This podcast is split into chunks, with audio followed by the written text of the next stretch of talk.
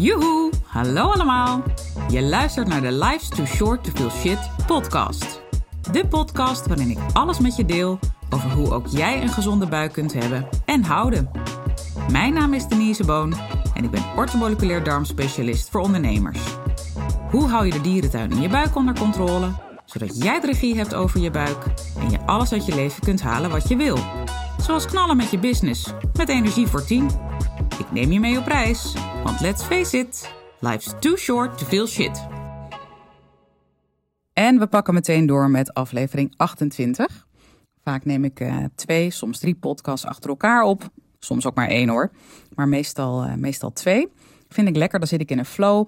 En uh, ja, heb ik toch die microfoon of die telefoon bij mijn mond. Dus even doorratelen en uh, happetee naar Thomas sturen, mijn, mijn podcastman. Um, en deze week, je hebt het misschien al gezien, hebben we uh, al een extra podcast gedaan. Of al, we hebben een extra podcast uh, opgenomen, dat is nummer 26.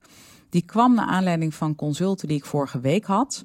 En uh, een aantal van mijn klanten had echt even wat support nodig. Daarom is dat even een korte soort van pep talk. Dus die is ook letterlijk wat korter. Maar ik dacht, ik vind het eigenlijk wel fijn om toch nog een nou ja, tweede podcast naast nummer 27 op te nemen. Maar ik dacht, ja, er is eigenlijk één onderwerp die ik ook wil, uh, wat ik ook wil aanstippen, die ook wat korter is. Dus dat kan mooi in deze week samen met die andere twee.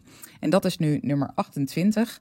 Um, en dat is eigenlijk waarom je beter zittend kunt poepen. Je hebt het misschien al gezien in de omschrijving. Nou, dat heb je natuurlijk sowieso, want anders klik je hem niet aan. Tenzij je zo'n fan bent van de podcast dat je sowieso elke aflevering wil luisteren. Uh, dat is natuurlijk heel leuk om te horen. Ik krijg de laatste tijd ook weer wat meer, uh, hoe noemen dat, complimenten en, en positieve feedback of feedforward van uh, luisteraars, ook nieuwe luisteraars. Superleuk om te horen. Uh, want ja, daar doe ik het voor. En uh, ik vind het ook alleen maar fijn als het aansluit bij wat jij als luisteraar wil weten. Nou, ik zal nu overgaan tot het onderwerp van deze podcast. Want anders ga ik daar weer veel te veel over uitweiden. En daar ben ik nog goed in. maar ik probeer hem wel altijd weer terug te pakken. Dat, dat sowieso, naar de hoofd, het hoofdthema. En dat ga ik nu ook doen. Want waarom kun je nou beter zittend poepen? Misschien denk je wel van, hoe bedoel je zittend poepen? Want uh, je zit toch al op die wc? Dat klopt. Maar wat ik bedoel is dat je je voeten beter wat kunt optillen. Dus op een krukje kunt zetten. Dat kan ook een, uh, hoe noem je dat, zo'n klein vuilnisbakje zijn die je onder je voeten zet, hè, als die daar uh, in de buurt is. Het liefst wel echt een krukje, want het is wel heel prettig en ook belangrijk dat je je benen een beetje uit elkaar zet. En dat brengt ons terug naar eigenlijk de oertijd. Uh, ja, toen poepten we allemaal gewoon hurkend. Eigenlijk is hurkend beter gezegd, want je zit natuurlijk al op die, op die wc-pot. Maar als ik zeg hurken, dan kun je er waarschijnlijk wel iets meer bij voorstellen. Uh, dat deden we toen allemaal. En dat had een reden. Want op het moment dat jij hurkt, dan komt jouw endeldarm, dat is het laatste stukje darm, hè, before the exit, uh, die komt in een betere stand om de boel te lozen. Normaal zit daar een knik in. Of normaal, als je staat of, of hè, normaal zit, tussen aanhalingstekens, dan zit daar als ware een knik in. Zit natuurlijk ook niet zonder reden, hè, want anders dan, uh, zouden we ook de boel makkelijker loslaten. Even los van de kringspier die nog van alles tegenhoudt. Uh, maar op het moment dat je dus gaat hurken, dan komt die, dat laatste stuk darm in een betere, nou, noem maar eventjes uh, dumpstand. waardoor ook letterlijk, zeker door de zwaartekracht, de ontlasting het lichaam makkelijker kan verlaten. En daarom, misschien heb je er wel eens van gehoord of over gelezen, poepkrukjes. Absoluut geen overbodige luxe. In het begin vond ik het behoorlijk wennen, dat ik echt dacht, oké. Je bent natuurlijk al honderd jaar gewend om, uh, om zonder te poepen. En dan in één keer zit er een verhoging onder je voeten. Uh, maar believe me, it works. En vooral als je er eenmaal gewend bent, dan wil je niet meer anders. Ik kan zelf enorm de Squatty Potty aanraden. Daar heb ik trouwens helemaal geen commerciële belangen bij hoor, om die uh, te tippen, want ik werk niet met ze samen. Nog niet in ieder geval. Uh, maar ik vind hem zelf heel prettig. Heb je in twee uitvoeringen, plastic en bamboe. Ik ben zelf nogal van de duurzame, dus ik heb voor de bamboe versie gekozen. Je kan natuurlijk ook zelf een krukje fabriceren of ergens anders vandaan halen. Ik zou niet dat standaard keuken um, krukje van IKEA gebruiken.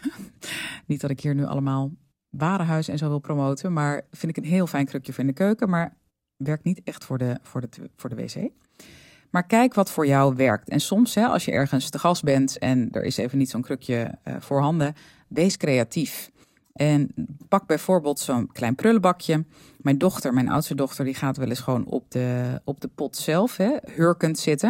Nou, ze zijn natuurlijk wat jonger en wat lichter. Uh, dus je moet even voor jezelf bepalen en inschatten of dat handig is om te doen. Is het een hang-wc?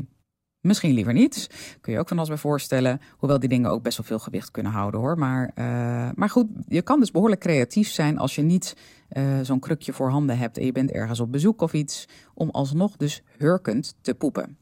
Denk daar echt aan en denk nu niet van, nou, die Denie, she's gone mad en hahaha, ha, ha, wat leuk uh, dat ze dit zegt, maar ga ik echt niet doen. Probeer het.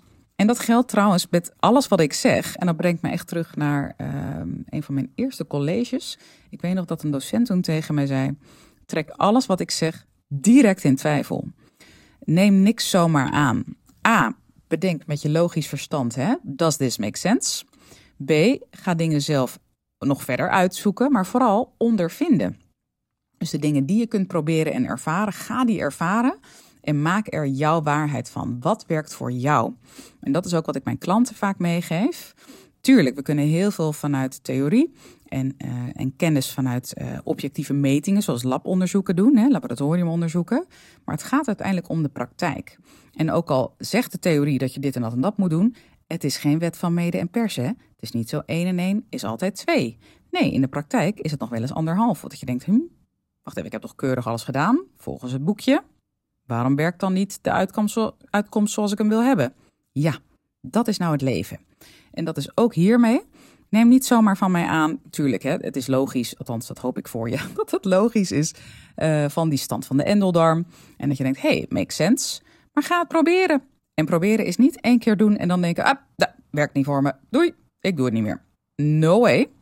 Minstens twee keer, in ieder geval dat zeg ik altijd bij uh, eten. Altijd alles proeven, dat zeg ik tegen mijn kinderen. Minstens twee happen, ook niet één hap. En eigenlijk elke keer weer proberen. Dus nu ook minstens een paar dagen achter elkaar. Um, liefst echt uh, één of twee weken. Dan pas concluderen wat je ervan vindt. Kan ook zijn dat je hem even weglegt en een paar weken later het weer probeert. De ene fase in je leven nodigt meer uit om zulke experimenten te doen dan een andere fase. Um, dus wees daar creatief in, maar ga het zelf ervaren. Tuurlijk, nogmaals, logica is één ding, maar ervaren is een tweede. Ik ben heel benieuwd wat je hiermee gaat doen. Of je iets met mijn tip gaat doen. Uh, laat het me weten. Vind ik onwijs leuk. Ik krijg regelmatig berichtjes van uh, luisteraars. En uh, vind ik onwijs leuk om, ja, om te horen. Want nogmaals, ik zit hier eigenlijk maar steeds te blaren in een microfoon. En uh, heb geen idee hoe dingen die ik vertel overkomen. Of wat het met je doet. Of dat het waardevol voor je is of niet. Dus alles wat je daarin met me deelt is heel erg welkom. Net als het delen van mijn podcast met anderen. Heel fijn als je dat wil doen. Je maakt kans op mijn histamine maandmenu te waarde van uh, 97 piek. Um, binnenkort volgens mij weer tijd om een winnaar te trekken. Ik denk trouwens over 1, 2 weken, maar dat ga ik nog even checken. Ik ga voor nu afronden en uh, tot de volgende. Dag, dag. Toppers, bedankt voor het luisteren. Leuk dat je er weer was. Smaakt dit naar meer? Abonneer je dan even op mijn podcast. Zo zorg je ervoor dat je geen enkele updates mist en dat jij volledig up-to-date bent over hoe jij je buik gezond houdt with fun and ease. En als mijn afleveringen waardevol voor je zijn, laat hem dan even weten. Vind ik leuk. Je maakt me het meest blij met een korte review via iTunes of Spotify. Alleen het aantal sterren aangeven dat jij de podcast waard vindt is voldoende. Je kunt me ook taggen via Instagram. Bijvoorbeeld door een screenshot te maken van de aflevering en die via je verhalen te delen. Met beide dingen, zowel de rating als de screenshot van de aflevering, maak jij kans op een histamine maandmenu kookboek te waarde van 97 euro. De winnaar maken we bekend in de eerste podcast van de maand. Tot de volgende keer! Thank you.